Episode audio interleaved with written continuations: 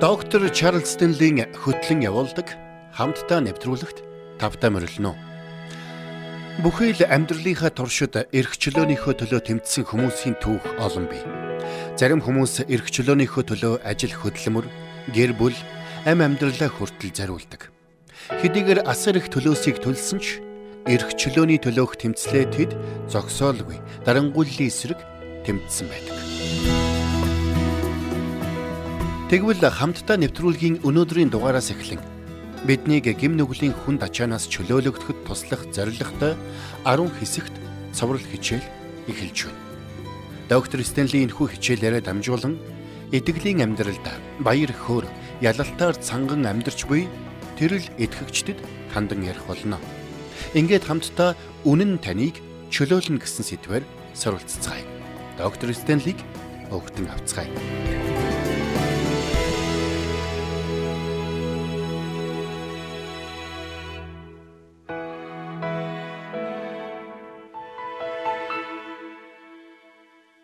Өнөөдөр би та бүхэнтэй нэгэн чухал сэдвээр ярилцах гэж байгаадаа маш их баяртай байна. Хэрвээ та өнөөдөр сонссон зүйлээ амьдралдаа хэрэгжүүлэх юм бол та итгэлийн амьдралдаа амар тайван баяр хөөргийг олно гэдэгт би үнэхээр бүрэн дүүрэн итгэлтэй байна. Тэр тусмаа эцэгчүүдийг би илүү анхааралтай сонсоосоо энд сонссон бүхний амьдралдаа хэрэгжүүлээ зогсохгүй үр хүүхдтэй зааж сургаасаа гэж хүсэж байна. Юуны төрөнд хамтдаа Иохан номын 8:28-ыг гаргаад уншийе. Завхаарч байгаад баригдсан нэгэн эмэгтэйг уучлсныхаа дараа Есүс фарисеучуудтай ярилцахдаа ингэж хэлсэн байдаг. Та нар хүний хүүг өргөвөл би байгаа гэдгийг мөн би юу ч өөрөөсөө хийдэггүй харин эцгийн надад зааснаар би эдгээрийг ярддаг гэдгийг мэдэх болно. Мөн тэрээр цаашаа Иохны 8:29 дээр намааг илгээгч нь надтай байгаа. Би үргэлж түүнд тааламжтай зүйлсийг үйлддэг учраас тэр намайг ганцааран минь орхисонгүй гэж хэлсэн байна. Эзэн Есүс би үргэлж түүнд тааламжтай зүйлсийг үйлддэгэ гэж хэлсэн байна. Та ингэж хэлж чаддаг итгэвч байхыг хүсэхгүй гэж үү? Бурхантай харилцах таны харилцаа ийм ойрхон дотн байгаасаа гэж та хүсэхгүй гэж үү? Би үргэлж түүнд тааламжтай зүйлсийг үйлддэг гэж. За ингээд хамтдаа Иоханы 8 дугаар бүлгийн 31-ээс 36-ыг уншийе. Есүс өөрт нь итгэсэн ивдэчүүдэд хэрвээ та нар үгэн дотор минь байвал үнэхээр миний дагалдагчд байна. Тэгээ та нар үннийг ойлгож үнэн та нарыг чөлөөлнө гэв. Тэд хариуд нь түүнд бид Авраамийн удам бөгөөд хизээж хинт ч боолчлогдож байгаагүй. Та нар эрх чөлөөтэй болно гэж та юунд хэлнэ вэ гэв. Есүс тэдэнд үннээр үннээр би та нарт хэлье. Нүгэл үйлдэгч хүн бүр нүглийн боол юм. Боол герт мөнхөд байдаггүй. Харин хүүл мөнхөд байдаг юм а. Иймээс хүн та нарыг чөлөөлнө. Та нар үнэхээр эрх чөлөөтэй болно гэв. За тэгэхээр өнөөдөр та бид эрх чөлөө гэдгийг юу юунаас эрхэмсэн ийм цаг үед амьдарч байна. Өнөөдөр хүн бүр эрх чөлөөтэй байхыг хүсэх болжээ. Ингэгтэйдэд ямар ч хязгаарлалтгүй бүрэн эрх дураараа байхыг хүсэх болсон байна хинээрч би юу хийлэхээ заалахгүй гэж тунхаглах болсон байна. Намайг хайрцаглах гэж бүү оролд гэж бүгд хэлэх болсон байна. Бид ямар ч хариуцлага хүлээхгүй, ямар ч үр дагавраас айхгүй эрх чөлөөтэй амьдрмаар байна гэж ярих болсон байна. Гэвч амьдрал тийм бишээ. Бид бүгд цаг нь ирэхэд Бурхны өмнө хариуцлага хүлээх болно. Бид бүгд бие биеийнхээ өмнө хариуцлагатай амьдрах учиртай. Угаасаа амьдралд төгс бүрэн дүүрэн эрх чөлөө гэж байхгүй. Учир нь нэг бол бид бие махбодынхон хүлээс дотор амьдрна эсвэл бурхны захиргаан дор амьдрна. Тиймээс би нэг зүйлийг хэлмээр байна. Та өөртөө шудраг хандаж өөрийнхөө нөхцөл байдлыг бодтойгоор үнэлж дүгндэг бол миний одоо хэлэх гэж байгаа зүйлс таныг жинхэнэ эрх чөлөөрөө хөтлөх болно. Харин эсвэргээрээ та би аль хэдийн эрх чөлөөтэй хэмээн бодож байгаа бол сатан таныг үргэлжлүүлэн хуурсаар байх болно. Үр дүнд нь та хизээч жинхэнэ эрх чөлөөг хүлээн авч чадахгүйд хүрэх болно. Тиймээс та энэ цагт зүрх сэтгэлээ бурхны өмнө нээгээд эзэн минь би их баг ямар нэгэн хэмжээгээр хүлээстэй байна. Яг юу гэдгийг би мэдэхгүй байна. Та надад үүнийг илчлэн харуулж намайг үнэхээр чөлөөлж өгөөч хэмээн залбираарай. Бид бүгд тодорхой нэгэн хүлээсэн дор амьдарч байдаг юм. Энэ хүлээс бол цаанаасаа програмчлагдсан зүйл. Тиймээс энэ хүлээснээс чөлөөлөгдөхийн тулд та амьдралдаа тодорхой алхмуудыг хийх хэрэгтэй. Энэ цагт би онцгойлоод эцэг эхчүүдэд хандан нэг зүйлийг хэлмээр байна. Та хүүхдүүддээ ямар үгийг хэлж байна вэ? Тэр үгээ яаж хэлж байна вэ гэдгээ үргэлж анхаарч байгаарай. Бас хүүхдүүддээ хэлж өгөх ёстой ямар зүйлийг хэлж өгөлгүй өдийг хүртэл явсан бэ гэдгээ бодож үзээрэй. Учир нь тэдэнд хэлж ярьж байгаа үгсээрээ бид тэдний бодол санааг програмчилж байдгийг. Өнөөдрийн ёрын муугаар дүүрсэн энэ ертөнцид бид бие биедээ хэрхэн хандаж байгаагаа үргэлж анхаарч байх учиртай юм. Учир нь бидний хандлагаас болоод маш олон хүн дотроо бусдад гологдсон, үл тоогдсон, хаягдсан, түлхэгдсэн мэдрэмжтэй хоцорж байдаг юм. Энэ нэргээ тэднийг ууртай, гомдомтгой, төрөмгийн, харгас хэрцгий хүмүүс болгон програмчилж байдаг юм. Өнөөдөр маш олон хүн дотроо шаналж байдаг учраас гаднаа бусдад хүлээн зөвшөөрөгдөхийг оролдож байдаг юм. Учир нь хүн бүр бусдад хүлээн зөвшөөрөгдөхийг бусдад харьяалагдахыг хүсдэг юм. Бүгд л үнцэнтэй ач холбогдолтой хүн байхыг хүсдэг юм. Тиймээс би эцэгчүүдээс гуймаар байна. Хүүхдүүдийнхээ төлөө бас өөрийнхөө төлөө бурхнаас залбирanгуйгаарай. Тэдэнд сайн муу ямар нөлөөг үзүүлж байгааг чинь илчлэн харуулж өгөхийг бурхнаас гуйгаарай. Тэгээд бурхны хүслийн дагуух сайн нөлөөг үзүүлэхийн төлөө залбираарай.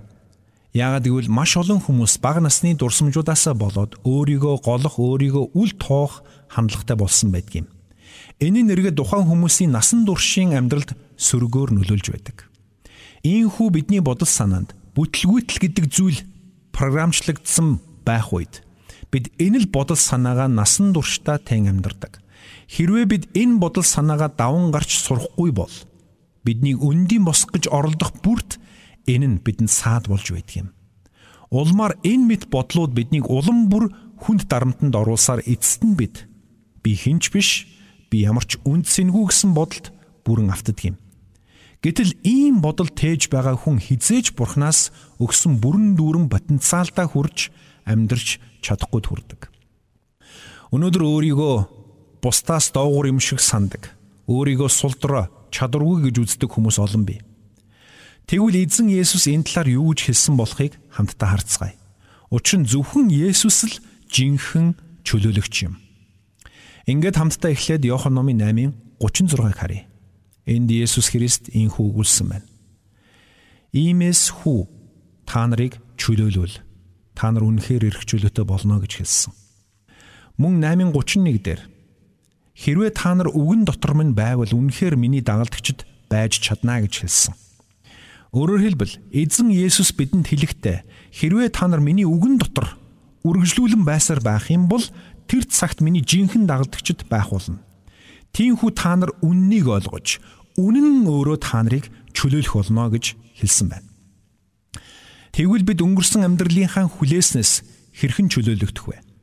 Өнөөдөр эрэгтэй эмэгтэй хөгшин залуу бүх хүмүүсийг өнгөрсөн амьдралынх нь хүлээснээс чөлөөлөх тэр агуу үннийг бид дараах гурван зүйлээс олж мэдэж чадна. Энэ бол Христийн доторх бидний байр суурь, мөн Христийн доторх бидний мөн чанар, а мөн Христийн доторх бидний баялаг юм. Христийн доторх бидний байр суурь гэдэг ойлголт нь бид Христийн дотор Христ бидний дотор байгаа гэсэн ойлголтууд шууд холбоотой юм. Харин Христийн дотор бидний мөн чанар гэдэг нь бид Христийн дотор хэн болсон бэ гэдэгтэй шууд холбоотой юм. Харин Христийн дотор бидний баялаг бол Христийн дотор бидэнд ямар эвэл өрөөлүүд өгөгдсөн юм бэ гэдэгтэй шууд холбоотой юм. Хэрвээ бид Христийн доторх өөрсдийн байр суурийг ойлгож, Христийн доторх өөрсдийн мөн чанарыг ухаарч, Христийн доторх бидний эд баялаг яг юу болохыг мэдэх юм бол тэр цагт бид Христийн дотроос жинхэнэ эрх чөлөөг мэдэрч чаднаа. Бидний хүн нэг бүр итгэгч ба үл итгэгч байхаас үл шалтгаалаад амьдралдаа дараах гурван зүйлийг мэдрэх нь амин чухал хэрэгтэй байдаг. Нэгдүгээрт бид харьяаллын мэдрэмжийг хүсэж байдаг юм. Өөрөөр хэлбэл бид бүгд гэр бүл юм уу ямар нэгэн бүлэгт харьяалагдж байгаагаа мэдрэх хэрэгтэй байдаг юм. Хоёрдугаарт бид үн цэнэ мэдрэх хэрэгтэй байдаг юм. Гуравдугаарт бид өөрсдийнхөө авьяас чадварыг мэдрэх хэрэгтэй байдаг юм. Харин дараах гурван мэдрэмж байхгүй бол үүний оронд бидэнд айц түгшүүр өөртөө эргэлзэх болон өөрийгөө голох мэдрэмж төрж эхэлдэг.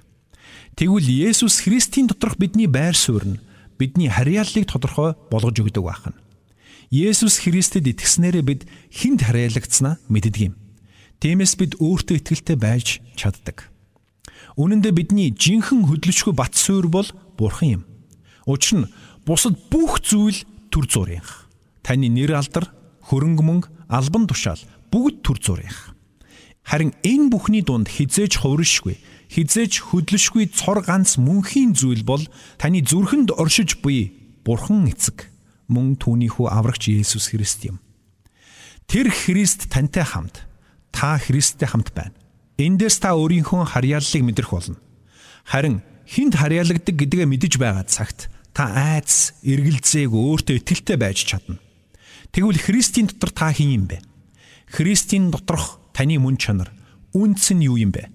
Бурхны хувьд та үнэхээр үнцэнтэй учраас тэр таны төлөө цорын ганц хүүгээ дэлхийд илгээсэн. Есүс Христ таны гэм нүглийн төлөө амиа өгсөн. Энэ бол таны үнц нь. Бурхан таныг ийм ихээр хайрлсан. Та Бурханы мэлмэд ийм их үнцэнтэй нэгэн. Бурхан таныг байгаагаар ч хүлээн авч ариун сүнсээрээ таныг эзэн Христтэй адил дүр төрхийн дагуу болгон шинчилдэг юм. Тиймээс хэрвээ та өөрийгөө Христийн дотор би яг хин юм бэ гэдгээ мэдэх юм бол өөрийгөө голохоо болох болно. Тэгвэл Христийн дотор та ямар ивэл өрөөлүүдийг хүртсэн юм бэ? Хэрвээ та Библийг гаргаад харах юм бол тэнд Бурхны гайхамшигтай амлалтууд бичигдсэн байна. Үнэхээр Есүс Христийн дотор бүх зүйлийг Бурхан бидэнд чөлөөтэйгээр өгсөн юм. Хэрвээ та энэ чухал үннийг ойлгож ухаарах юм бол Таны дотор буй өөртөө итгэлгүй, өөрийгөө голох болон өөртөө эргэлзэх тэр бүх мэдрэмж үгүй болох болно. Энэ бүх сөрөг мэдрэмжүүд таныг орхих үед таны амьдрал илүү эрх чөлөөтэй болдго юм. Тиймээс та Христийн дотор өөрийгөө хэн болохыг ойлгож, Христийн дотор та юу өгөгдсөн болохыг мэдж, Христийн дотор хаашаа явж байгаагаа ухаарах болно. Үнэн дээр бидний үндэс нь энэ нийгэмд хэр хүлээн зөвшөөрөгдөж байна вэ гэдгээр хэмжигддэггүй. Харин бидний үндэс нь орчлон ертөнцийн оршин буй бүхэнтэй нь хайрлсан тэр агуу бурхантай харилцах харилцаанд суурилж байдаг юм. Хэрвээ бид энэ чухал үннийг мэдэх бус харин өөрт төрж буй мэдрэмжэндээ хөтлөгдөх юм бол бид өөрийгөө голж, өөртөө эргэлзэж, өөртөө итгэлгүй амьдралаар амьдрах болно. Харин бурхан биднийг ингэж амьдраасаа гэж хүсдэггүй. Тэр биднийг үннийг мэдээсэй гэж хүсдэг. Харин та үннийг мэдвэл үнэн та нарыг чөлөөлнө гэж тэр айлтсан. Тэрнээс биш мэдрэмж чинь чамайг чөлөөлнө гэж хэлээгүй. Тиймээс Иоханы 8:32 дээр хэлэхдээ та нар үннийг ойлгож а тэр хүүнэн та нарыг чөлөөлнө гэж айлтсан юм. Энэ нь бидэнд сонголт байна гэсэн үг. Бид байнга өөрчлөгдөж байгаа мэдрэмжэндээ хөтлөгдөн амьдрах уу эсвэл бурхны илчилж би үнэнд суйрлагдсан амьдрах уу гэдгээ өөрсдөө сонгох ёстой байна. Хэрвээ та Есүс Христэд итгэсэн бол та Христийн дотор Христ таны дотор байна. Тиймээс та Христийн улмаас Бурхны ариун хүн болсон. Та Христийн зарц, Христийн цэрэг хааны хүү болсон. Та өөрийнхөө хүчээр итгэлийн амьдралаар амжилттай амьдарч чадахгүй ч Христийн хүчээр бүхнийг хийж чадна. Христийн дотор танд бүх зүйл өгөгдсөн. Таны үндэс нь энэ нийгмийн үнэлэмжээр биш, харин таны төлөөх Бурхны агуу үйлсээр хэмжигдэнэ. Тэгвэл тэр таны төлөө юу хийсэн бэ? Тэр таны төлөө цорын ганц хүүгээ илгээсэн. Та одоо Бурхны хаанчлалын иргэн болсон. Та одоо Христийн биеийн нэг хэсэг болсон. Та Бурхны хувьд үгээр илэрхийлшгүй үндсэнтэй. Харин таны дотор төрж буй таны тухай сөрөг мэдрэмжүүд бүгд сатааны хуурам мэхлэлт юм. Би танд нэг зүйлийг онцгойлон хэлмээр байна. Та чангаар халелуя бурхан намайг үндсэнтэй гэсэн учраас би үндсэнтэй Хэдийгээр надад ийм мэдрэмж төрөхгүй байсан ч энэ нь үнэн гэж тунхаглбал үүнтэй зэрэгцээд таны дотор шал утгагүй юм. Би ямар утгагүй юм яриад байна гэсэн бодол төрөх болно. Учир нь энэ бол сатааны хуурам мэхлэлт юм шүү. Магадгүй хүндлэнгийн хүн сонсоход энэ нь утгагүй мэт сонсогдож байж болох ч та үннийг тунхагласан гэдгээ битгий мартаарай. Нөхцөл байдлаас үл шалтгаалаад Бурхны үннийг тунхаглана гэдэг маш чухал. Учир нь бид Бурхны хүслийн дагуу хүмүүс болон өөрчлөгдөхийн тулд бид Бурхны үннийг мэдж тэр үннийг өөртөө шингэх ёстой юм. Тиймээс ч эзэн Есүс Иоханы 8:28-д хэлэхдээ та нар хүний хүүг өргөвөл би байгаа гэдгийг мөн би юу ч өөрөөсөө хийдэггүй Харин эцгийн надад заасанчлан би эдгэрийг ярддаг гэдгийг мэдэх болно гэсэн юм. Иохны 8:31 дээр хэрв та нар үгэн дотор минь байвал үнэхээр миний дагалдагч нар байна гэсэн байдаг.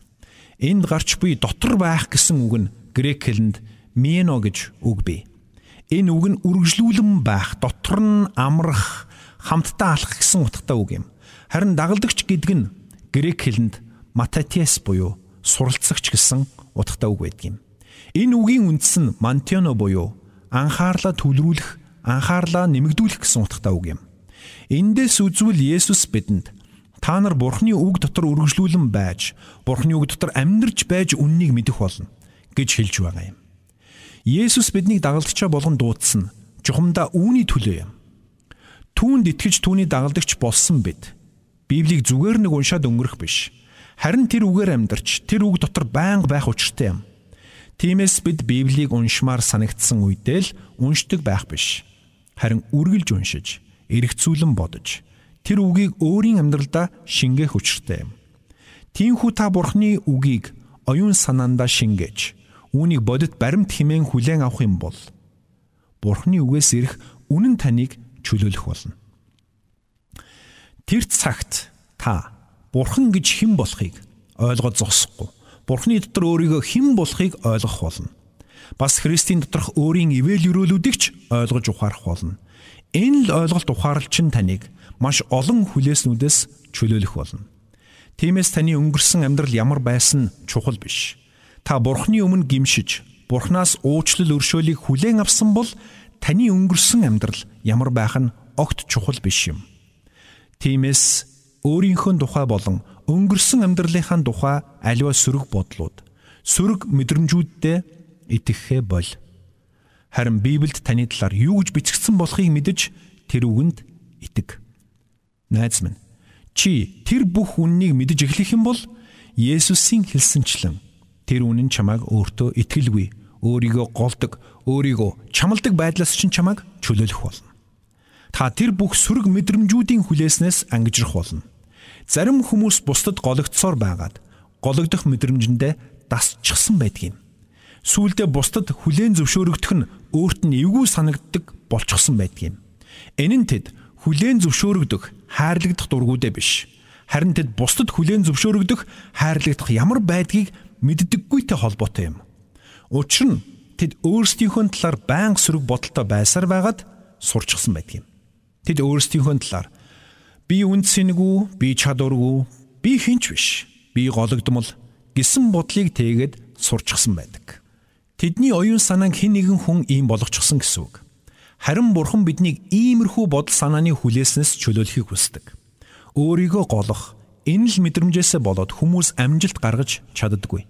Энэ мэдрэмжээсээ болоод тэд ажил төрөлдөө гэр бүлийн харилцаанд үргэлж асуудалтай байдаг. Тиймээс та ийм сөрөг бодлуудаа итгэх бус харин бурхны үгэнд итгэж сураарай. Энэ нь таны амьдралыг гайхамшигтайгаар өөрчлөх болно. Учир нь таны бодол санаа таны амьдралд маш хүчтэй нөлөөлж байдаг юм. Гэхдээ нөгөө төгөр таны бодол санаанд ч бас хөндлөнгөөс нөлөөлөх боломжтой гэдгийг санаарай. Тийм учраас Илж Паул Роми 12-ын 2 дээр ингэж хэлсэн байна. Энэ үеийн явдалд нийцэлгүй. Харин оюун санааныхаа шинтгэлээр өөрчлөгдөж байх тун. Тэгвэл Бурхны сайн, тааламжт, төгс төгөлдөр таалал юу болохыг таних болно гэсэн байна. Илч Паулинд оюун санааныхаа шинтгэлээр өөрчлөгдөж байх тун гэж хэлсэн байгаа юм. Тэгвэл та яаж оюун санаагаа шинжлэх вэ? Бурхны үгэн дотор байснараа шинжлэхдэх болно. Учир нь Бурхны үгээс ирэх үнэн таныг чөлөөлөх болно. Бид өөрсдийгөө болон өөрсдийнхөө амьдралыг Бурхны нүдээр харж эхлэх үед бид үнэхээр өөрчлөгдөх болно. Тиймээс бид энэ л эрх чөлөөг Бурханаас хүлээн авахын тулд Бурхны үгээс зууран амьдрах хэрэгтэй юм. Ирэх чөлөөнд бидний хүргэх эхний алхам бол Библи унших арга замаа өөрчлөх явдал гэдгийг бид ойлгох хэрэгтэй.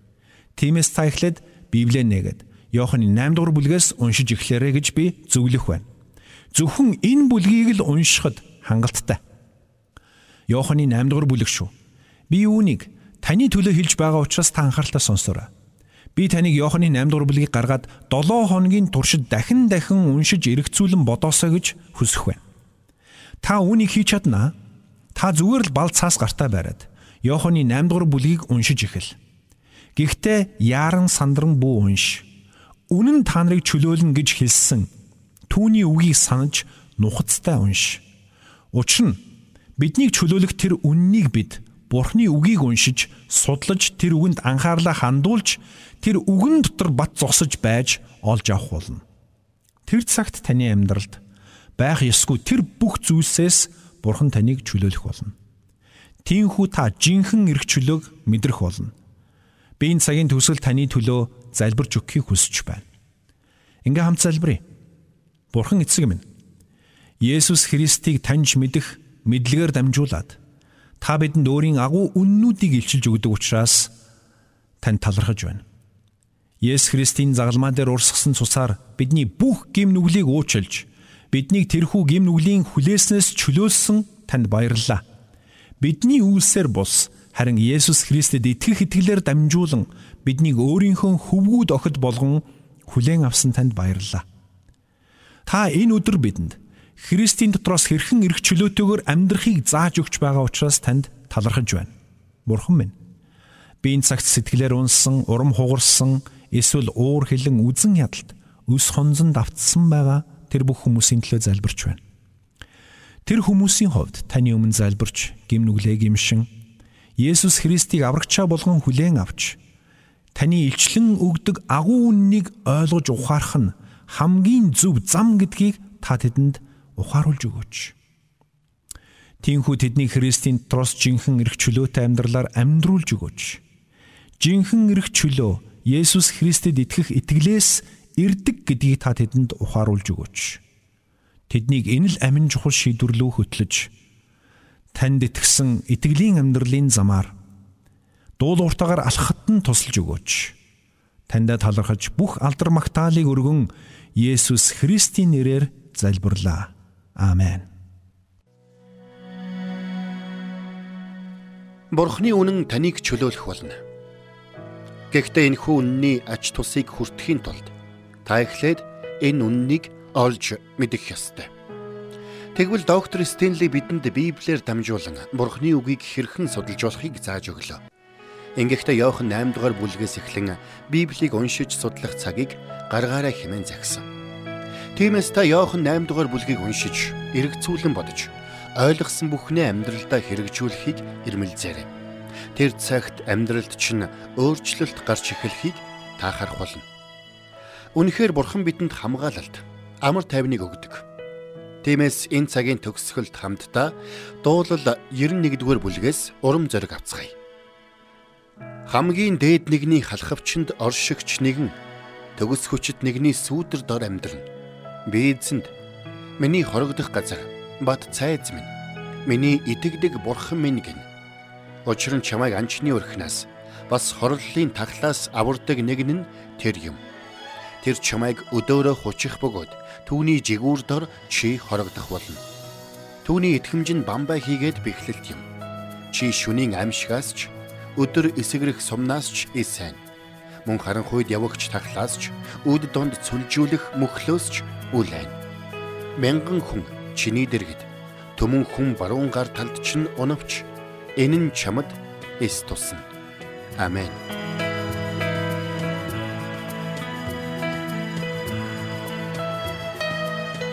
Бурханд тэмүүлсэн сэтгэл хүмүүсийг энэрх зөрхөөр амьдрахад туслах номлогч доктор Чарлз Стенлигийн хамттай нэвтрүүлэг сонсогч танд хүрлээ. Нэвтрүүлгийг дахин сонсохыг хүсвэл ихтгэл радиоцик.com-оор зочлоорой. Бидэнтэй холбогдохыг хүсвэл 8085 99 тэгтэг дугаард хандаарай.